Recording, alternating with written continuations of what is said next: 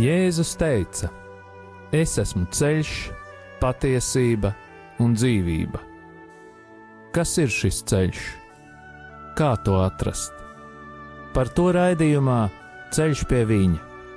Raidījumu vada Normons Grasmanis.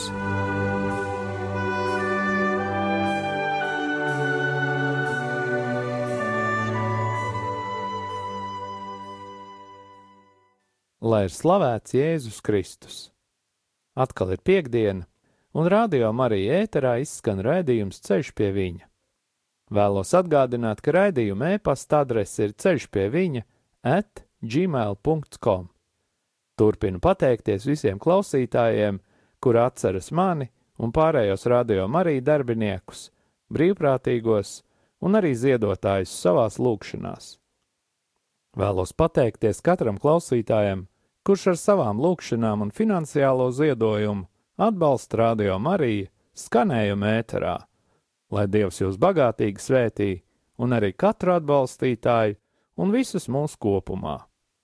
Un tagad, kā jau ierasti, lūksim aizsardzības lūgšanu pār Radio Mariju darbiniekiem un brīvprātīgajiem, par katru klausītāju un mūsu ģimenes locekļiem.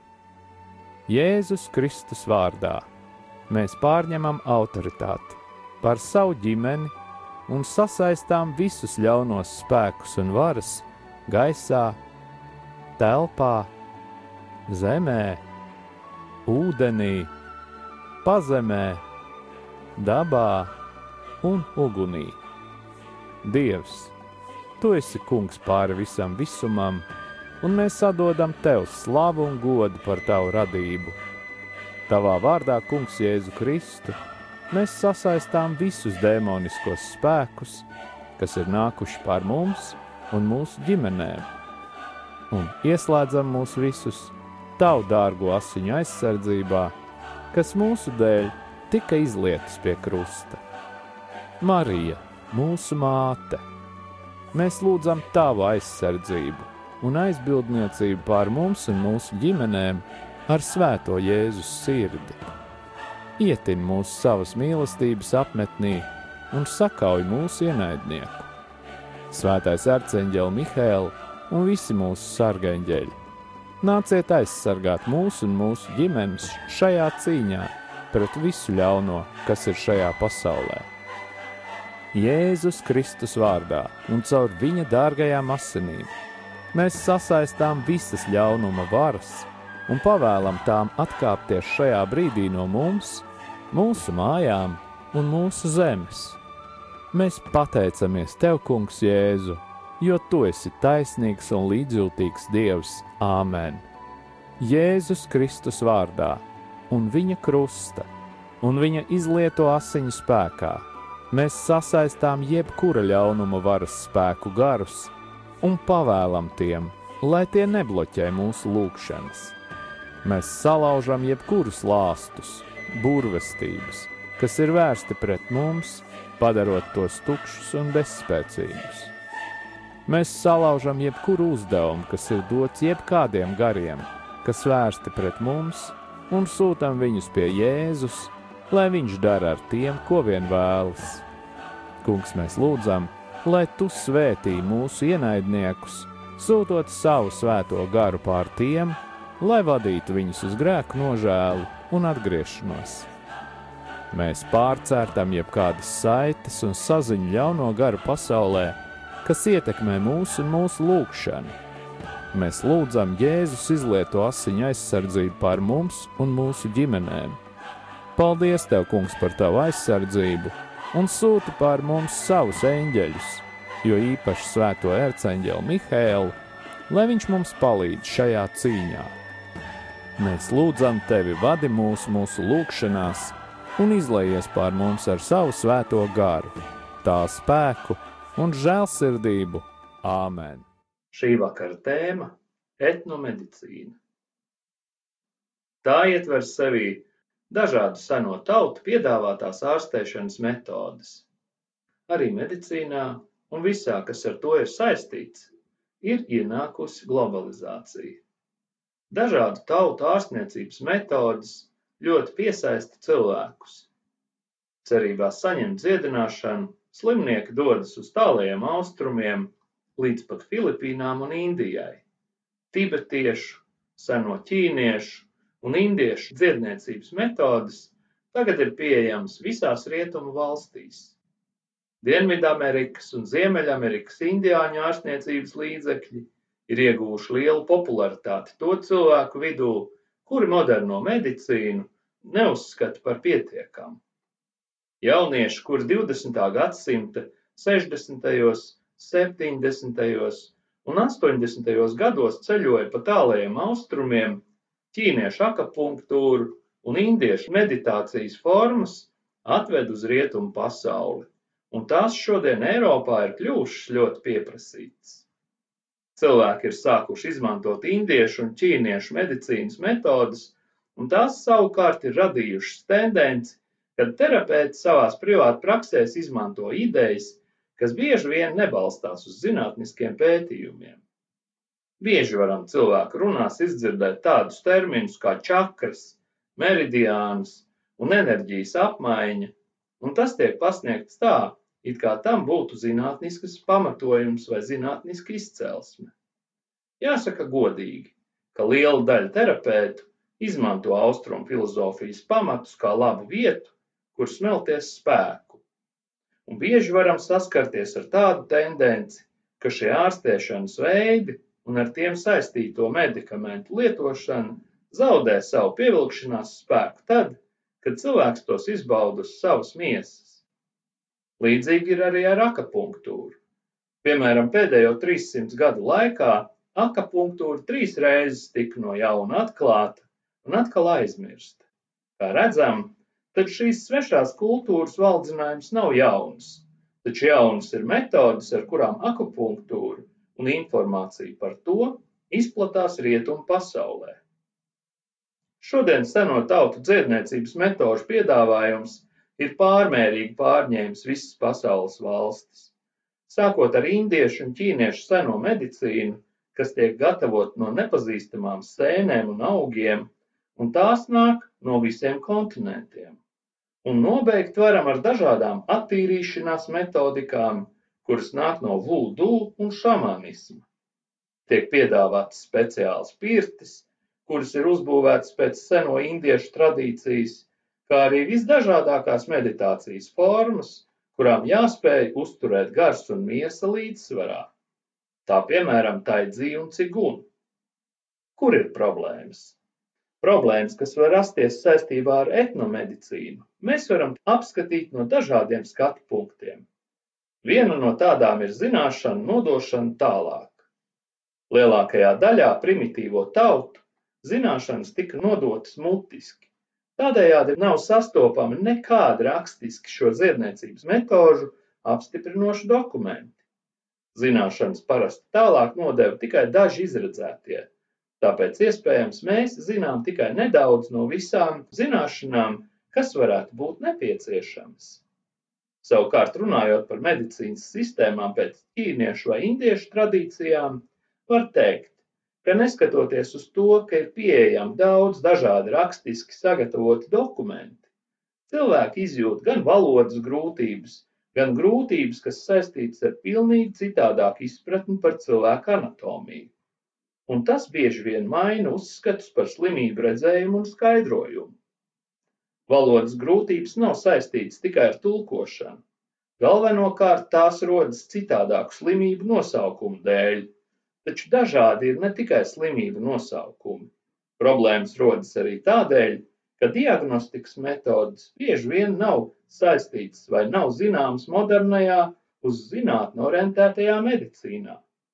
Šodien šīs grūtības tradicionālās izpratnes tālāk nodošanā attiecībā uz iepriekš minētajām dziedniecības metodēm nav bez bīstamības un riska.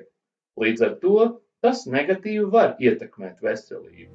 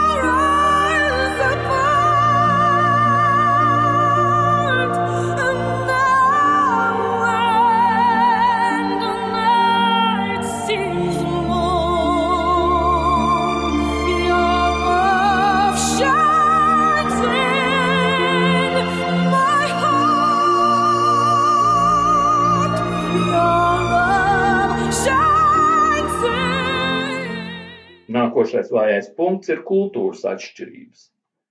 Dziedniecības metodas ir konkrēta laika posma, konkrētas geogrāfiskās vietas un sociālā un reliģiskās struktūras noteiktu cilvēku grupu produkts.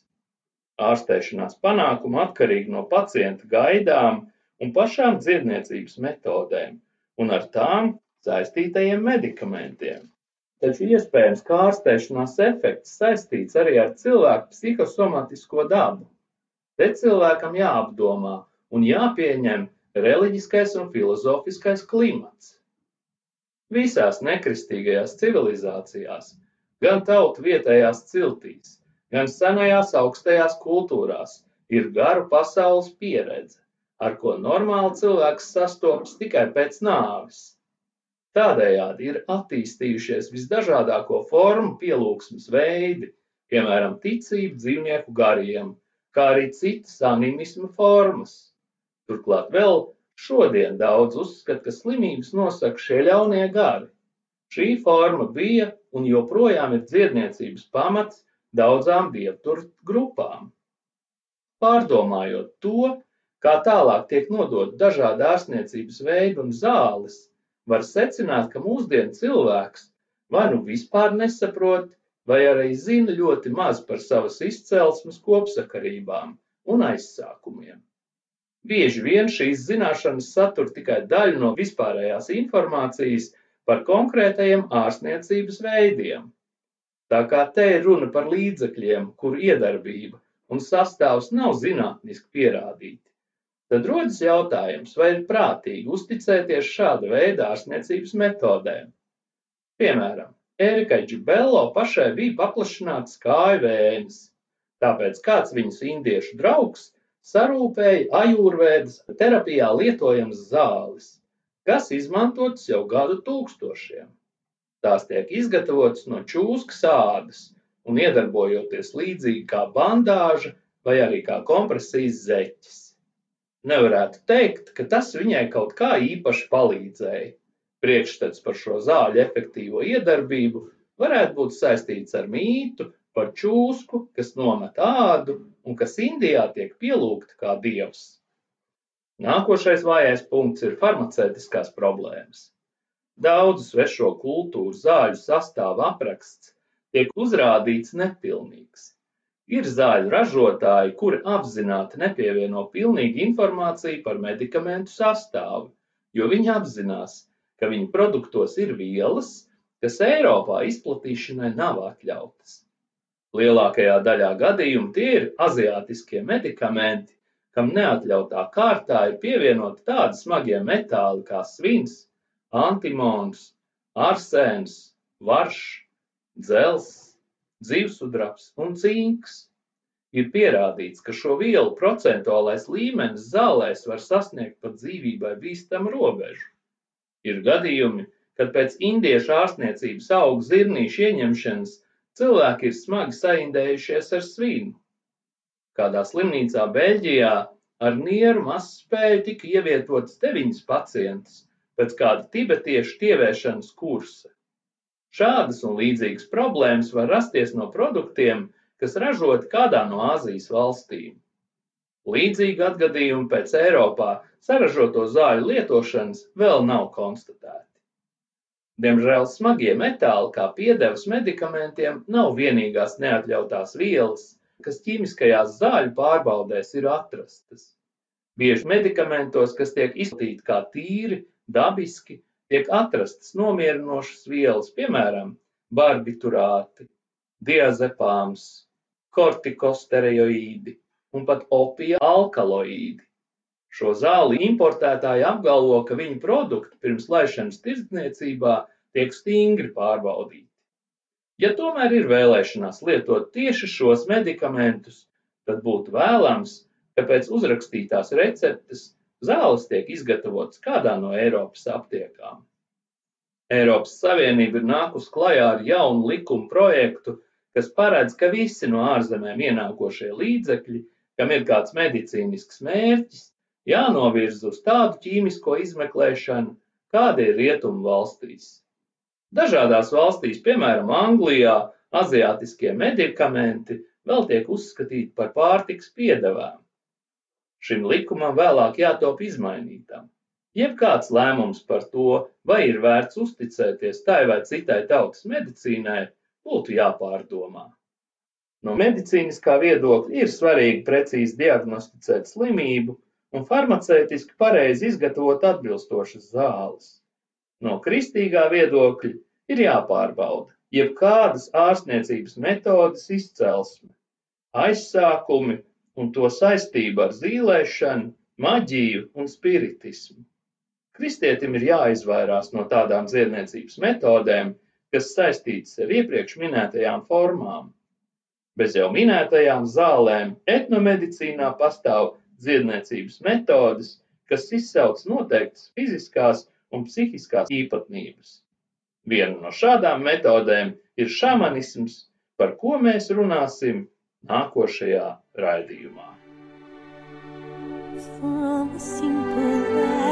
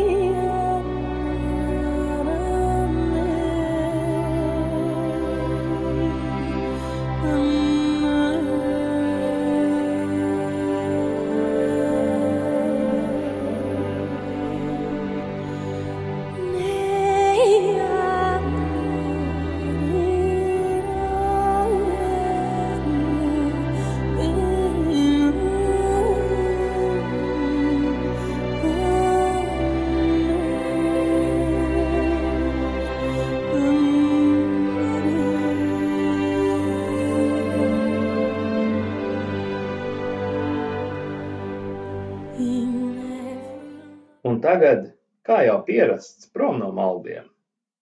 Šovakar turpināsim ieskatīties Tomislava Ivančiča grāmatā Tikšanās ar dzīvo dievu. Pagājušajā raidījumā runājām par grēku, un pagājušā raidījuma šī daļa beidzās ar vārdiem Sātāns atklājās kā melis. Viņš apsolīja varu, bet atnesa verdzību un nāvi. Par visu to Bībele stāsta līdzībā. Pēc tam, kad pirmie cilvēki bija ēduši, abiem atdarījās acis. Vispirms augļi šķita labi, bet nu viņiem nācās atzīt, ka ir pievilti. Tad viņi ieraudzīja grēka realitāti. Grēks vienmēr vispirms šķiet salds, iekārojams un gudrs. Svētais Jānis vēlāk skaidros, ka tas ir tikai miesas kārība acu kārība un dzīves lepnība. Pirms grēkojam, viss šķiet pievilcīgs, saprotams, pareizs, skaists, moderns. Pēc tam mūsu acis atveras, taču tad jau ir par vēlu. Vajag paklausīt dievam un viņa baušļiem, nevis uzticēties ārējiem vilinājumiem. Grēks atver acis uz ļauno, un viens grēks velk līdz nākamo. Kopš grēkā krišanas cilvēks visapkārt saskata tikai grēkus un ļaunumu. Viņš ir kļuvis akls pret labo un redz tikai slikto. Aizvien jauni grēki velk viņu aizvien dziļāk, līdz pat ellei, līdz pat ellei sevī, pasaulē un mūžībā. Ja neviens mums neaizver acis pret grēku un ļaunumu, un ja neviens mums neatdara acis uz labo un uz Dievu, Mēs esam pagalām. Kopš pašiem pirmsākumiem cilvēks to ir nojautusi un raidījusi karstas lūkšanas pret debesīm, lai tās atveras un sūta glābēju. Cilvēka nepaklausības sekas otrkārt ir tādas, ka viņi pamanīja savu kailumu. Arī pirms tam abi bija kaili, taču nekautrējās viens no otra. Viņi bija nevainīgi un citos redzēja vienīgi labo. Tāpēc viņi nebaidījās un nekaunējās no otra. Pēc grēkā krišanas viņi sanaidojās. Viens par otru domāja ļaunu un gribēja otru ķermeni izmantot savai kaislēji un sautīgai baudai. Tas, kurš grēko, jūtas tā, it kā citi viņu redzētu kailu. Viņam šķiet, ka visi zina viņa grēkus. Atbilstoši direktīvai, uzbrukums ir labākā aizsardzība, viņš vēršas pret citiem, apmelo, ienīst un apkaro. Godīgs un šķīsts cilvēks nekad nerunās ļaunu par otru. Viņš ir kā bērns, un bērni tic katram. Bērni nekaunas par savu dzimumu, domām, vēlmēm un vārdiem. Viņi ir nevainīgi. Katrs, kuru ievainojas grēks, reaģē uz ievainojumu. Viņam vajag vērsties, nostāties pret citiem, tāpēc, ka viņš baidās, ka citi varētu uzzināt par viņu grēku, un tas viņam liek justies kailam. Ja šāds cilvēks nevar citus nogalināt ar vārdiem vai darbiem, tad viņš vismaz uzliek masku, lai apsektu savu kailumu. Pirmie cilvēki sašuva vīģu lapas un uztaisīja sev gurnautus. No tā brīža viņi vairs nespēja otram parādīties bez maskas. Viņiem bija bail vienam no otra, bailes sagrāva cilvēku vienotību. Lai gan cilvēki ilgojas cits pēc cita un mīlestība viņiem ir svarīgāka par gaisu, ūdeni un ēdienu, viņi tomēr jūtas spiesti slēpties aiz maskām un nošķirties no citiem. Ir tik briesmīgi grūti atklāt, parādīt savu patieso seju un citiem uzticēties. Šo traģisko situāciju mēs visi sevi esam izdzīvojuši, īpaši mūsu attiecībās ar vecākiem. Bērns ir plurāla persona. Viņš veido tēva un mātes vienotību. Ja vecāks strīdas vai izšķiras, bērns piedzīvo šķelšanos pats sevī. Kam ir šāda pieredze, turpina šķelties un šķelt. Tā rodas jaunas šķiršanās, jauni kari, jaunas slimības. Tomēr neviens neaptver pats savu stāvokli. Cilvēks labāk uzvelk masku, lai izliktos skaists, vesels, priecīgs, gudrs un cienījams, nevis ir patiesis. Tik daudz uzlikuši gudru, modernu, arī dievbijīgu cilvēku maskas, un tā arī neatrod citu citu masas, kas aizsedz īstos cilvēkus. Neviens nespēja pilnībā atvērt savu sirdi. Visi ir naidīgi cits pret citu. Mums atveras acis, un mēs ieraugām otrā cilvēkā ļauno, tāpēc, ka paši esam ļauni ar netīru sirdi. Vispirms mums beidzot vajadzētu sadragāt aizsargu mūrus, kas mūs apņem, lai izlaustos pie labā un pie mīlestības un tur atklātu jaunu cilvēku un jaunu pasauli. Nākošajā raidījumā turpināsim iedziļināties Tomislava Ivančiča grāmatā Ceļš pie dzīvā dieva attiecībā uz grēku. Laiks skrien ātri, un kā jau ziniet, decembra pirmajā nedēļas sestdienā mīlestības mājā notiks ģimenes dziedināšanas seminārs. Atgādinu, ka pieteikšanās ir iespējama caur interneta mājaslapu mīlestības māja.lv vai telefona numuru 27 477 166, kas ir manējais. Pieteikšanās ir ieteicama, jo tad varēšu jums nosūtīt anketas, kuras izpildot, jūs labāk sagatavosieties ģimenes dziedināšanas procesam. Anketas būs vajadzīgas jums pašiem, tās neviens nelasīs un nekomentēs. Paraliturģijas laikā Šīs anketas tiks saplēstas un iemestas ugunī, lai visi negatīvie procesi paliktu pagātnē. Un tā uz redzēšanos nākošajā piekdienā.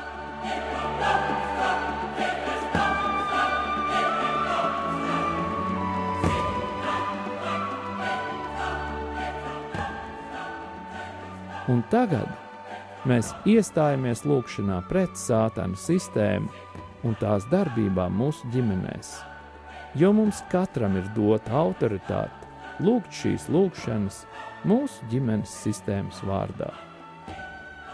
Kungs Jēzu Kristu, dzīvā Dieva dēls!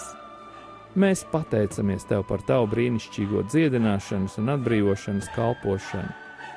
Pateicamies par Tevis veikto dziedināšanu un arī par tām, kuras Tu turpināsi mūsu lūgšanu rezultātā.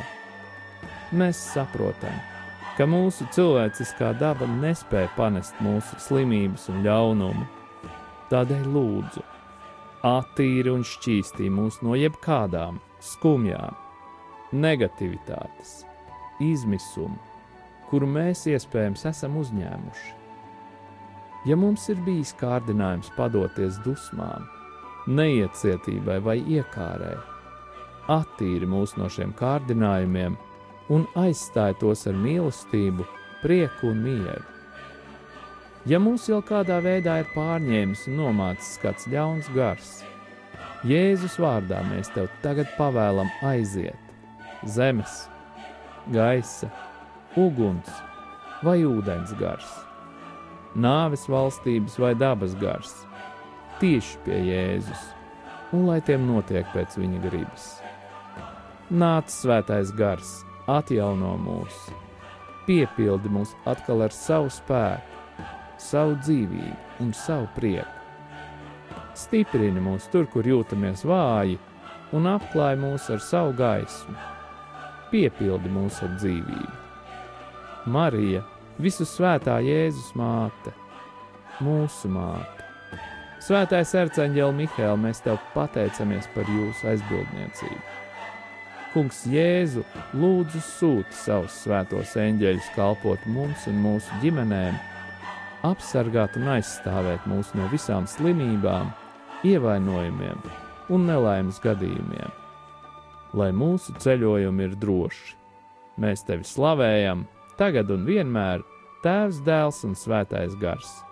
To visu mēs lūdzam Jēzus svētajā vārdā, lai tas tiek godināts Āmen!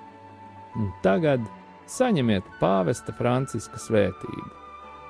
Kungs Jēzus Kristus, lai ir pār mums, lai mūs svētītu, lai ir pie mums, lai mūs pavadītu, un lai ir ar jums un mums, lai mūs aizsargātu, lai mūs svētītu Dievs Tēvs un Dēls un Svētais Gars, lai asins un ūdens, kas izplūda no Jēzus Kristus sirds, izplūst pār mums, un lai šķīstītu atbrīvo un dziedina.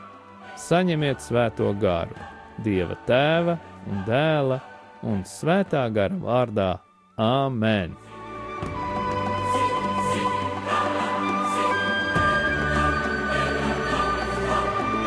Jūs klausījāties raidījumu Ceļš pie viņa uz tikšanos piekdienu!